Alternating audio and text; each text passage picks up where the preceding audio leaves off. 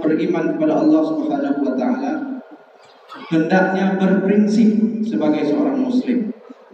Paling tidak dan berbahagia larangan mengikuti hawa nafsu orang-orang di luar Islam itu paling tidak ada tiga tiga hal.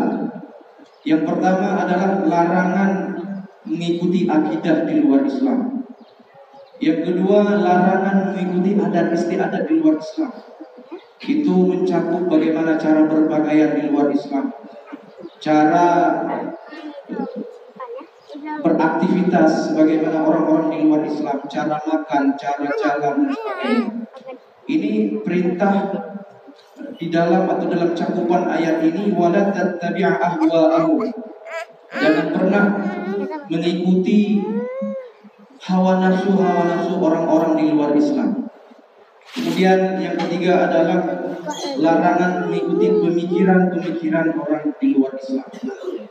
Bahkan larangan ini kalau kita melihat di zaman modern ini yang berbahagia mencakup larangan bagaimana kita menerjemahkan atau men menafsirkan agama kita dengan pendekatan-pendekatan orang-orang di luar Islam. Karena ada orang-orang yang bahkan dengan bangganya menafsirkan Islam, menafsirkan Al-Quran seperti orang-orang menafsirkan kitab suci mereka. Dan ini satu di antara bentuk larangan-larangan yang terdapat di dalam ayat yang Khatib bacakan tadi. Hadirin berbahagia. Kemudian Nabi Shallallahu Alaihi Wasallam pernah berpesan ataupun menggambarkan di dalam sebuah hadis di dalam Sahih Bukhari dan juga Sahih Muslim an Abi Sa'id Al-Khudri radhiyallahu anhu anna Nabi sallallahu alaihi wasallam dari Abi Sa'id Al-Khudri radhiyallahu anhu bahwa Nabi sallallahu alaihi wasallam pernah berkata La tattabi'unna sunana man kana qablakum shibran bi shibrin wa dhira'an bi dhira'in hatta law salaku hujra dhabbin lasalaktumuhu qulna ya rasulullah al-yahud wan nasara Qala Nabi sallallahu alaihi wasallam faman Hadirin berbahagia hadis ini menggambarkan bagaimana umat setelah Nabi Shallallahu Alaihi Wasallam, apalagi umat akhir zaman, itu cenderung latah mengikuti perkembangan-perkembangan ataupun hawa nafsu hawa nafsu orang-orang di luar Islam. Kita mengikuti tabiat-tabiat, mengikuti syiar-syiar di luar Islam yang bahkan kita tidak paham sebetulnya sejarah tradisi yang mereka buat. Ini digambarkan oleh Nabi Shallallahu Alaihi Wasallam bahwa Sungguh nanti pada akhir zaman orang-orang akan mengikuti kebiasaan-kebiasaan orang sebelum kalian. Shibran bi shibrin. Sejengkal demi sejengkal kata Nabi sallallahu alaihi wasallam. Bi dhira'in, sehasta demi sehasta. Hatta law salaku hujra dhabbin la salaktumuhu. Bahkan jika mereka masuk ke lubang biawak sekalipun kata Nabi, kamu akan memasukinya juga. Kemudian para sahabat Nabi Sallallahu Alaihi Wasallam bertanya kepada Nabi Sallallahu Alaihi Wasallam, Ya Rasulullah, siapa mereka? Apakah mereka Yahud dan Nasara? Kemudian Nabi Sallallahu Alaihi Wasallam menjawab, Faman. Artinya siapa lagi kalau bukan mereka? Artinya berbahagia ini gambaran Nabi Sallallahu Alaihi Wasallam tentang bagaimana umat pada akhir zaman latah mengikuti hawa nafsu hawa nafsu di luar Islam. Syiar-syiar slogan-slogan ataupun kampanye-kampanye di luar Islam. Bahkan ketika Nabi Shallallahu Alaihi Wasallam menggambarkan jika mereka masuk lubang biawak maka kita pun ikut masuk lubang biawak. Ini menunjukkan apa? Menunjukkan bahwa Ketika kita mengikuti hawa nafsu hawa nafsu orang-orang kafir di luar sana dan berbahagia, Barangkali kita tidak paham, tidak mengerti apa yang mereka buat. Tetapi karena barangkali dikemas dengan tren, kemudian di, diviralkan dan sebagainya, dianggap keren dan sebagainya, lalu, lalu kita mengikutinya. Ini gambar, gambaran Nabi Shallallahu Alaihi Wasallam. Sehingga ketika seorang Muslim tidak punya prinsip, ketika banyak aturan-aturan hidup yang dia langgar, banyak adat istiadat yang bukan dari Islam kemudian dia ikuti. Maka dikatakan seorang muslim seperti ini tidak memiliki prinsip di dalam berislam. Hadirin berbahagia, pernah suatu ketika Abdul Malik bin Marwan, seorang khalifah di Bani Umayyah. Abdul Malik bin Marwan ini menulis surat kepada seorang raja Umayyah. Salah satu kebiasaan beliau ketika beliau menulis surat selalu beliau letakkan kalimat-kalimat tauhid di suratnya. Ada kalanya beliau meletakkan bismillahirrahmanirrahim. Ada kalanya beliau menuliskan qul huwallahu ahad dan sebagainya. Ini kebiasaan Abdul Malik bin Marwan ketika beliau menulis surat. Dan ada satu surat yang beliau kirimkan ke Raja Umayyah. Hadirin berbahagia. Kemudian ketika surat itu sampai di depan Raja Umawi. Kemudian apa yang disampaikan oleh Raja Umawi ketika dia melihat ada kata-kata Qul huwallahu ahad dalam sebagian tulisan sejarah itu disebutkan Bismillahirrahmanirrahim. Pada intinya surat yang dituliskan oleh Abdul Malik bin Marwan ia tunjukkan kepada raja kafir bertuliskan kalimat tauhid. Ada kalanya pun wallahu ahad, ada kalanya bismillahirrahmanirrahim. Ketika surat itu sampai kepada Raja Romawi, kemudian Raja Romawi itu membalas surat Abdul Malik bin Marwan. Dia katakan dalam surat itu, Innakum ahdathtum fi qaratisikum kitaban nakrah.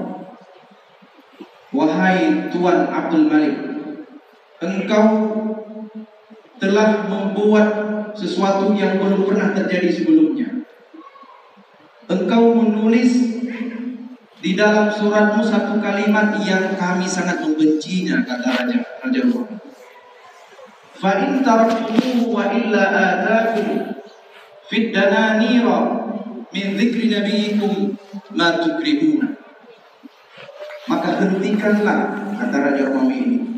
Apabila kau tidak menghentikan mengirim surat dengan meletakkan atau menuliskan kalimat-kalimat Islam di dalam surat tersebut, maka dia mengancam nih Abdul Malik.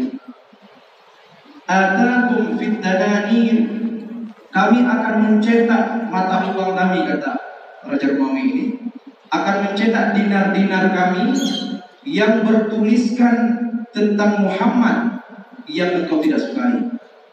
Maka kami akan mencetak dinar-dinar kami, kemudian di dinar kami itu kami tulis Muhammad dengan kata-kata yang tidak kami senangi. Kemudian nanti berbahagia ketika ancaman itu datang dari Raja Umayyah kepada Abdul Malik bin Marwan. Kemudian apa yang yang dia lakukan? Kemudian dia memanggil asisten-asistennya, menteri-menterinya. Qala Abdul Malik bin, bin Marwan. Kemudian dikatakan Abdul Malik ini menyampaikan setelah ia membaca surat daripada Raja Umayyah tersebut, maka dia apa dia sampaikan? Dia marah dan rasa apa namanya keimanan keislaman itu memuncak dia ingin menunjukkan bahwa seorang muslim itu punya prinsip. Meskipun pada saat itu ada berbahagia, umat Islam belum memiliki mata uang sendiri. Umat Islam pada saat itu masih bertransaksi dengan dinar-dinarnya Romawi dan juga dirham-dirhamnya Persia. Belum memiliki mata uang sendiri. Tetapi karena ancaman yang disampaikan oleh seorang raja Romawi berkenaan dengan kehormatan Islam. Ancaman mereka akan mencetak dirham yang bertuliskan tentang Muhammad dan melecehkan Rasulullah di dirham di dinar mereka. di dinar-dinar mereka, maka Abdul Malik mengatakan apa? Hentikan transaksi dengan dinar-dinar uh, daripada Romawi itu, kemudian dia mengambil dinar-dinar Romawi itu, kemudian melebur kembali pada saat itu muncul kemudian di dalam sejarah disebutkan munculnya mata uang Islam pertama.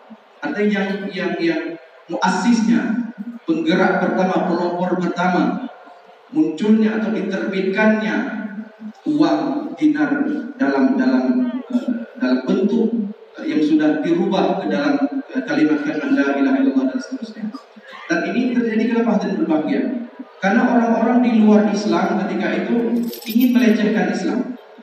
Ketika orang Romawi menganggap bahwa satu-satunya mata uang yang yang digunakan oleh umat Islam untuk melakukan transaksi adalah dinarnya Romawi, maka ada Romawi berani mengancam.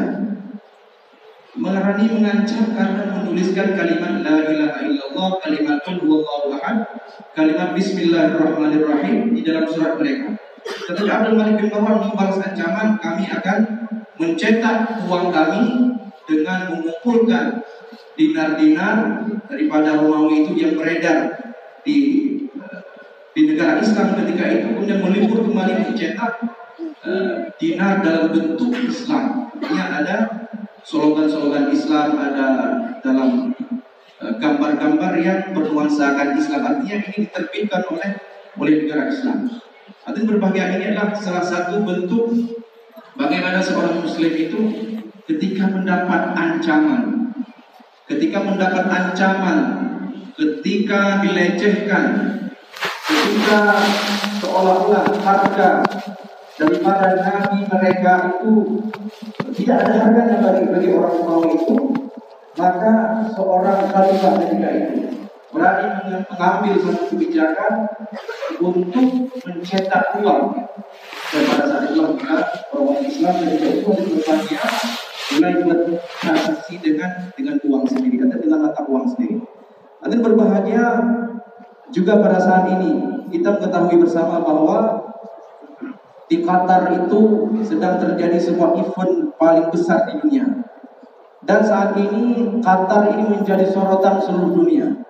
Karena kebijakan-kebijakan yang dilakukan oleh negara Qatar yang tidak yang tidak populer, tidak pernah dilakukan oleh siapa pun dunia ini. Mereka itu membuat aturan-aturan yang tidak populer memaksa orang-orang yang minum arak itu untuk tidak minum arak di Qatar. Memaksa orang-orang yang tradisi event terbaik terbesar di dunia itu melakukan prostitusi dan sebagainya, maka itu diharamkan di Qatar. Kemudian mereka mengharamkan satu syiar, satu slogan, satu kampanye paling besar, yaitu LGBT. Dan itu dilakukan oleh Qatar hadirin luar biasa. Mungkin nyaris tidak ada negara Islam yang mampu melawan kekuatan dunia kemudian negara lain semua menyorot mendeskripsikan Qatar melakukan apa namanya menuduh Qatar dengan berbagai tuduhan dan itu ternyata mampu mereka lakukan dan ini menunjukkan betapa bahwa kehormatan Islam yang berbahagia itu harus harus ditegakkan. Kehormatan Islam itu oleh siapa pun baik kita sebagai pribadi baik kita sebagai kelompok kecil maupun sebagai sebuah negara seperti yang dilakukan oleh Abdul Malik bin Marwan tadi ketika ada ancaman bahwa mereka akan menuliskan kata-kata buruk tentang Nabi di mata uang mereka maka khalifah ketika itu bergerak untuk mencetak dinar dan dirham mereka sendiri. Hadir berbahagia mudah-mudahan cerita tadi dan juga ayat dari Al-Quran yang Khatib sampaikan pada khutbah yang hari yang berbahagia ini mudah-mudahan memberikan manfaat kepada kita semua. Barakallahu li wa lakum fil qur'anil azim wa nafa'ani wa iyyakum bima fihi min al-ayati wa dhikril hakim. Taqabbalallahu minni wa minkum tilawatahu innahu was samiul alim